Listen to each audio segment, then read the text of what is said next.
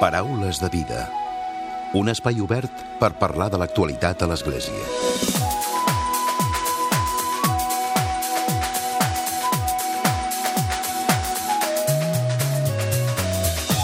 Què tal? Salutacions i molt bon dia, molt bon diumenge. No qualsevol treball, sinó un treball decent.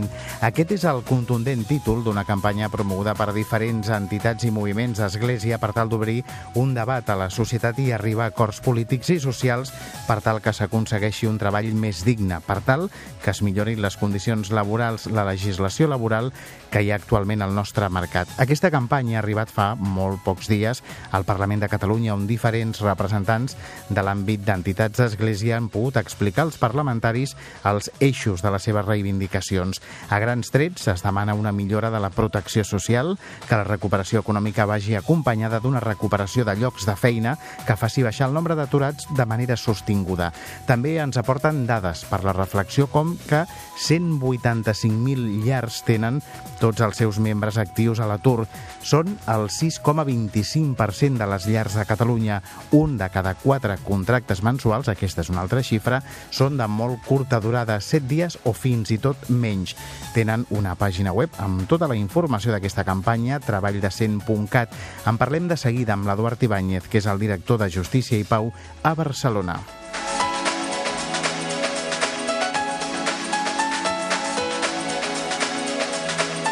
I com sempre, a la recta final del Paraules arribarà un nou comentari de l'actualitat de Francesc Romeu, que avui ens acompanya als estudis de Catalunya Ràdio. Comencem. I donem la benvinguda a l'Eduard Ibáñez. Molt bon dia, Eduard.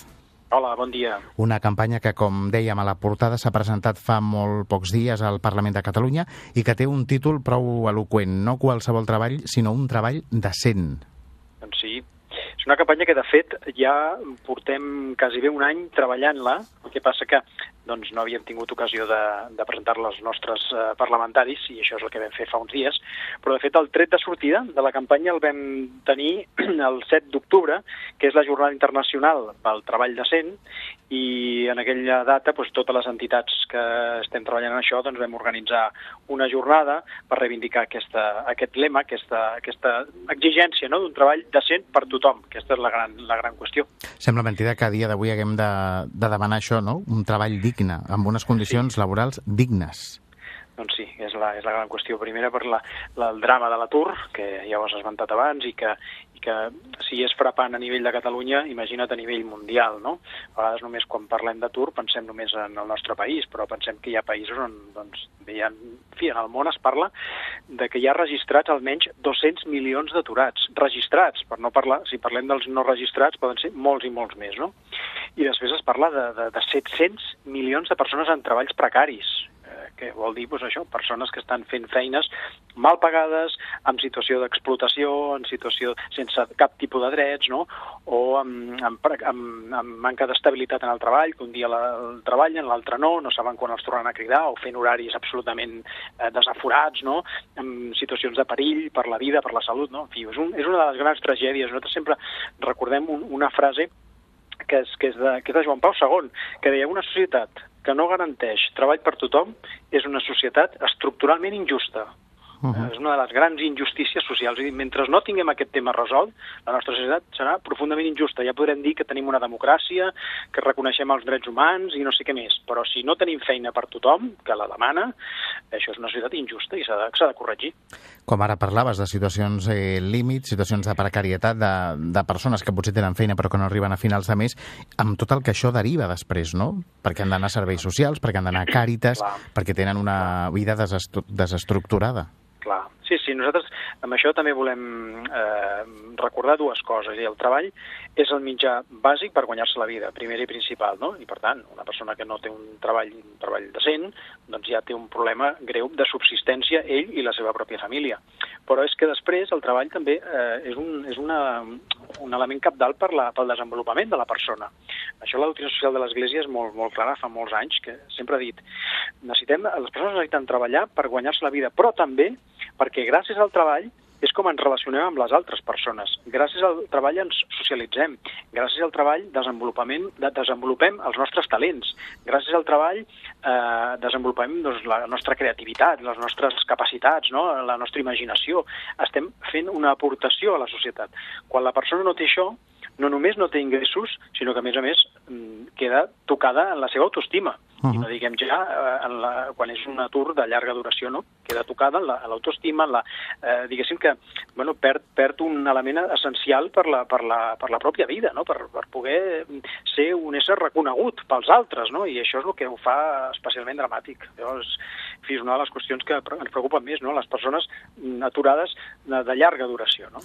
A la trobada al Parlament de Catalunya, que es va fer el passat dia 1 de juny, va anar-hi amb Pepe Rodado, que és delegat de Pastoral Obrera de la diòcesi de Barcelona, també en Josep Maria Jovany, delegat de Pastoral Social, la Míriam Feu, responsable d'Anàlisi Social i Incidència de Càritas Barcelona, Ferran Pont, secretari de Justícia i Pau de Terrassa i també membre del Seminari de Doctrina i Acció Social de l'Església, Joan Martí, president de Mans Unides a Barcelona, i Xavi Casanovas, director de Cristianisme i Justícia. I pel contacte que tu hi has tingut i també per tota la feina que has fet des de, des de en aquest cas, Justícia i Pau, quina és la, la percepció que, que vau tenir després de, de parlar amb la classe política, com a mínim exposar el que vosaltres reivindiqueu? Bé, sobre el, sobre el paper i en paraules, eh, és el que demanem és tan raonable que tothom doncs, ens diu que d'acord, que estan d'acord, no? que, que evidentment que tenim raó i que això és un gran tema. No? Altra cosa és després la capacitat que tinguin els parlamentaris o la voluntat política que després doncs, els partits que governen eh, tenen. No? Mm, eh, aquest és el gran, el gran repte. És a dir, nosaltres, per exemple, aquell dia el que els vam demanar és que si realment compartien el que, el que nosaltres estem reclamant, que creiem que sí, evidentment, no?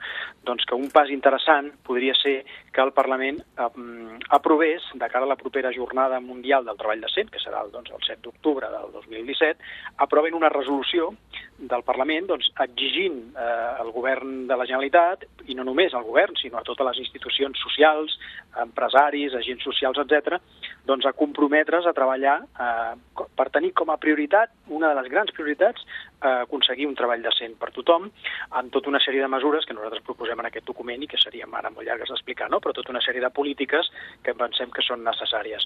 Els parlamentaris van, van acollir positivament aquesta idea de, de fer aquesta resolució i bueno, ara és qüestió de posar-se a treballar. Eh, possiblement ens demanaran, ens demanaran que fem una compareixença més oficial, perquè allò va ser doncs, una reunió més amb els portaveus, més de caràcter informal, però que fem una compareixença oficial per reclamar doncs, aquestes idees i perquè això desemboqui en una resolució parlamentària que li doni al tema doncs, una, una, una energia més forta, que pugui anar cap a un pacte social, que això també seria interessant, un pacte social en favor d'un treball decent per tothom. Uh -huh. Ara, quan es parla i molt hi ha el debat sobre la renda mínima garantida, vosaltres en aquest cas mm, proposeu un sou mínim de 1.000 euros. Sí, aquesta és una reivindicació compartida amb, amb els sindicats, o amb bona part dels sindicats, perquè, és clar, Catalunya en aquests moments doncs, eh, està molt per sota, bueno, el salari mínim a Espanya està molt per sota, i eh, tal com estan els preus, realment es fa molt difícil, molt difícil poder amb, aquest, amb, aquesta, amb un sou mm, que estigui per sota de 1.000 euros eh, garantir doncs, l'habitatge, o no diguem ja, si les persones doncs, tenen eh, fills, doncs, eh, la manutenció, l'escolaritat, etc. No? O sigui que, per tant, aquest seria el mínim digne i decent no? per un sou. Mhm. Durant la, la trobada, com dius, més informal al Parlament de, de Catalunya, amb els representants de diverses entitats d'Església, també es va presentar el document el Quadern de Cristianisme i Justícia, el que té per títol El treball present i futur, i a més també la nota dels bisbes, que han fet en referència també precisament doncs, al mercat laboral i a les condicions laborals, i que, insisteixen els bisbes de Catalunya, ha de ser una economia en el, al servei de les persones, oi? Sí, aquesta és la, la qüestió clau. A vegades sembla que, que l'economia tingui com a objectiu el creixement econòmic, no? Aquesta és la gran, el, el gran eh, mantra que sovint doncs, els polítics i quan, els economistes, no? quan pensen en economia, doncs pensen en això, que hi hagi creixement. I si no hi ha creixement, sembla que és un fracàs, sembla que hi estem en crisi, no? en recessió, això és la gran... I en canvi, quan hi ha creixement, doncs tots contents, no? però realment el creixement no garanteix absolutament res. Pot haver-hi creixement i molta pobresa.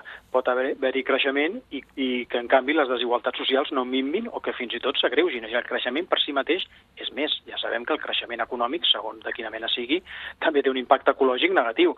Per tant, el creixement hauria de el PIB hauria de deixar de ser l'indicador principal, l'obsessió, I en canvi, en canvi, l'economia hauria de centrar-se realment en que tothom pugui viure amb dignitat, que tothom tingui feina i que tothom tingui garantides les, les, les condicions mínimes de subsistència.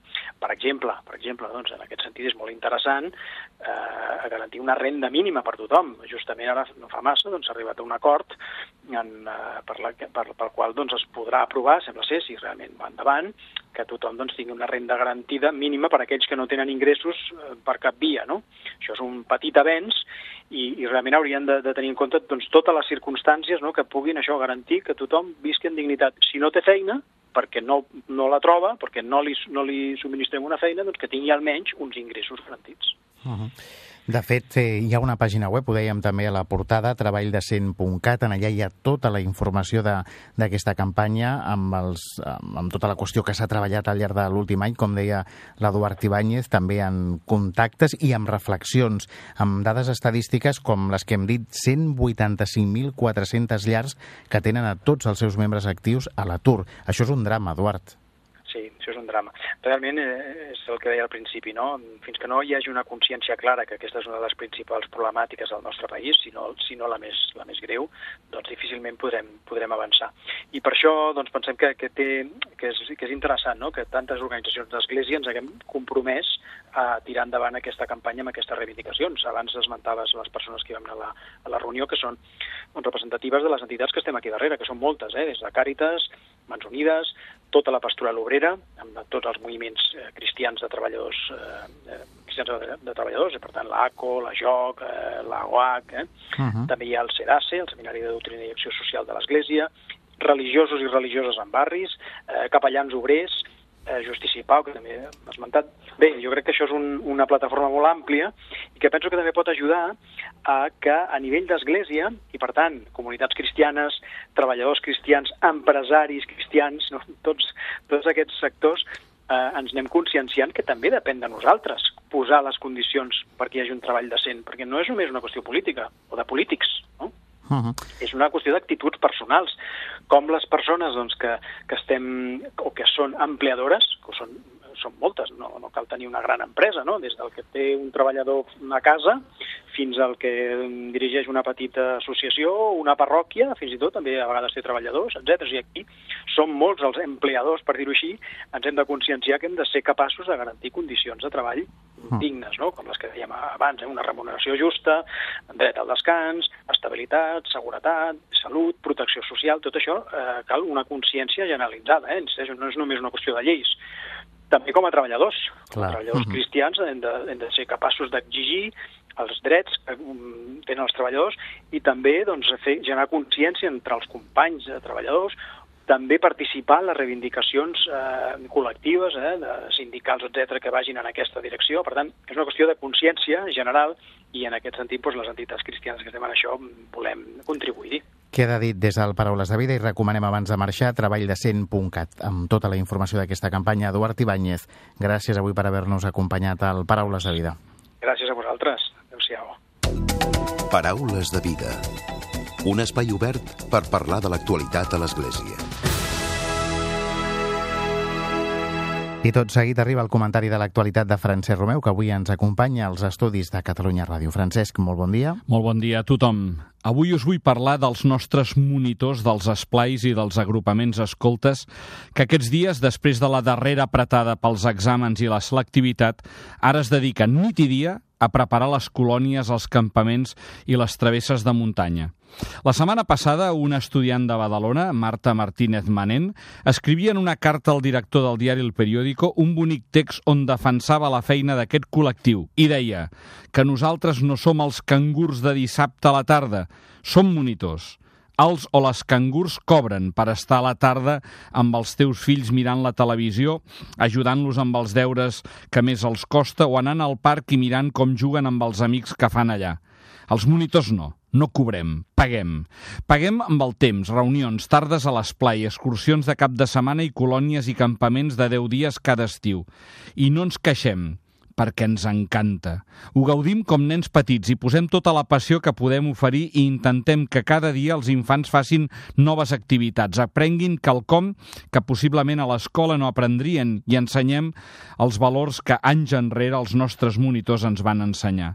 Eduquem en el lleure, però al mateix temps aprenent junt amb els infants. Ningú no ho pot negar, s'aprèn moltíssim amb ells. I és per això, per la tasca que tant estimem els monitors i pels infants que amb tanta il·lusió venen cada dissabte a la tarda que volem lluitar.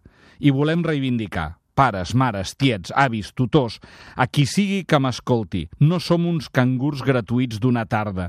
Som una entitat de joves que vol educar els infants en el lleure a través de la diversió infinita i moments de reflexió necessària.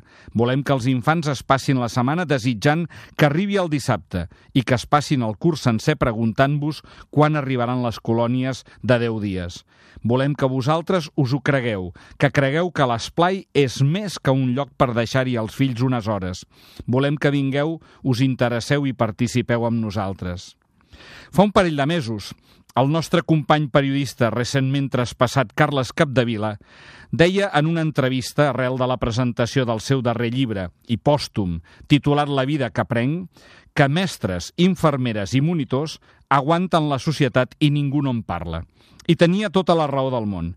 Ja fa uns anys, ell mateix escrivia un bonic article on, tot fent un entranyable homenatge als nostres monitors, deia són uns éssers estranys, d'entre 18 i 25 anys, que ens fan dir, es fan dir monitors d'esplai o caps d'agrupament. Els reconeixereu perquè pringuen totes les tardes de dissabte als caus muntant gincames, perden els caps de setmana fent excursions i malgasten la Setmana Santa sencera i 15 dies de juliol anant de campaments, i tot sense cobrar res i amb una passió que no pot ser bona per la salut. La broma fa dècades que dura, i no són quatre sonats, es tracta d'uns quants milers. S'ha procurat fer burla d'ells, com a xirocaires idiotitzats. Se'ls ha fet saber que s'han acabat les utopies i que la gràcia d'avui en dia és ser famós, però ells insisteixen que no. Són especialment pesadets amb la idea d'anar a la muntanya i educar en el lleure. Assumeixen responsabilitats i ens donen lliçons als pares sobre coses tan antiquades com desconnectar, conviure i madurar i a sobre se'ls veu feliços i el que és pitjor, per la canalla que cuiden també. Això els fa poc integrables a la societat, perquè el que es porta és no fotre res i fer cara d'estressat, i no pas passar-te el dia organitzant coses amb un somriure. L'administració els dona l'esquena i els nega el dret a fer servir les escoles públiques, perfectament desaprofitades els dissabtes, per intentar que s'ofeguin en petits locals d'entitats que sovint són literalment uns caus. Però ni així pleguen. Els mitjans de comunicació tenim a punt el protocol de linxament mediàtic i l'exigència de responsabilitats a la mínima que algun grup es perd al bosc, però ells allà valents. Les tècniques de captació de nous membres són terriblement sofisticades. Per culpa d'un mètode estranyíssim anomenat seguir l'exemple, molts nens d'esplai s'acaben assemblant als seus monitors i volen ser castellers, diables o voluntaris d'ONG. I com que el moviment es renova, costa d'etiquetar-los de gent poc moderna, perquè viuen al dia i s'adapten als nous temps.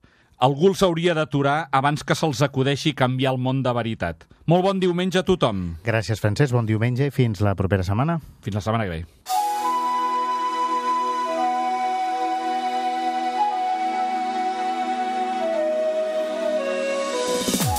Doncs fins aquí el Paraules de Vida d'aquest diumenge d'aquesta setmana. En Diego Monroy ha estat el control tècnic i qui us ha parlat l'Emili Pacheco. Que passeu bon diumenge i una molt bona setmana.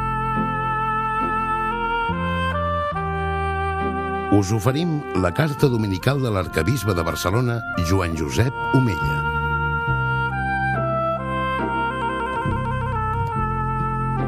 Déu vos guard. Corpus Christi és la solemnitat en què els cristians celebrem la presència real de Jesucrist mort i ressuscitat per la nostra salvació, sota les espècies sacramentals del pa i del vi consagrats. És la festivitat que expressa l'amor etern i infinit de Déu per tota la humanitat. Per això és també el dia de la caritat.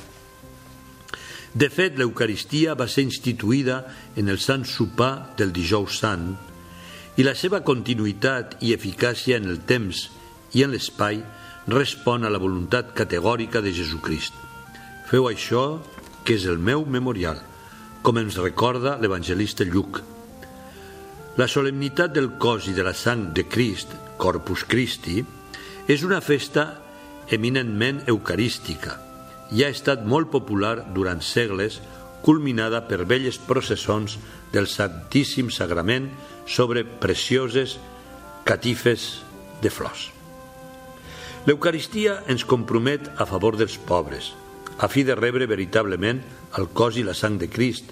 Hem de reconèixer Crist present en els més pobres, germans seus i germanes nostres. En aquest sentit, Càritas, enguany, ens proposa un lema per desenvolupar la seva campanya institucional. Cridats a ser comunitat. Càritas ens convida a centrar l'atenció en la dimensió comunitària i relacional del nostre ésser, com a eix fonamental de la nostra acció al servei del regne de Déu. Som amb els altres. L'altre és un tu i un regal per a mi. Sobre aquest pilar cal edificar el projecte de transformació social que ens urgeix l'exercici de la caritat. El redescobriment del nostre ésser comunitari i relacional és el punt de partida per superar els nostres interessos individuals, els comportaments autorreferencials i així poder col·laborar amb el Senyor en la construcció d'un món on l'acollida de l'amor de Déu ens permeti refer constament la comunió i construir una societat més justa i fraterna. Aquesta espiritualitat de comunió que ens porta a viure el servei de la caritat té com a meta assolir un desenvolupament humà integral. No som al món només per a donar pa i per promoure una simple transformació econòmica. Ho ha dit el papa Francesc. No serveixen ni les propostes místiques sense un fort compromís social i missioner, ni els discursos i praxis socials o pastorals sense una espiritualitat que transformi el cor. La nostra mística ha d'encarnar-se, ha de ser una mística d'ulls oberts a Déu i als germans. Una mística cercadora de rostres a l'estil de Jesús, que s'avança a veure el rostre dels oprimits, surt a l'encontre dels que pateixen i és bona notícia per als pobres. Una mística que passa llargues estones del dia davant del Senyor dialogant, escoltant i descansant en el Senyor. Fou certament un jove en l'Evangeli de Sant Joan qui va oferir cinc pans i dos peixos a Jesús, tot el que tenia. I amb aquella petita ofrena del jove generós, Jesús va alimentar més de 5.000 persones i encara en va sobrar. Déu beneix i fecunda la nostra generositat. Per això us recordo de ser generosos avui amb la col·lecta per Càritas. Moltes gràcies que l'Eucaristia, cos entregat i sang derramada de Jesús per la vida del món, ens transformi interiorment i ens ajude cada dia a descobrir que el fet d'apropar-nos a una mateixa taula per rebre el pa eucarístic ens obliga també a compartir amb ell el projecte de Déu d'aconseguir una vida més digna i un desenvolupament humà integral per a tothom. Anticipem ja ara i aquí el que serà un dia en el cel. Benvolguts germans, que Déu us beneixi a tots. Us hem ofert la carta dominical de l'arcabisbe de Barcelona, Joan Josep Omella.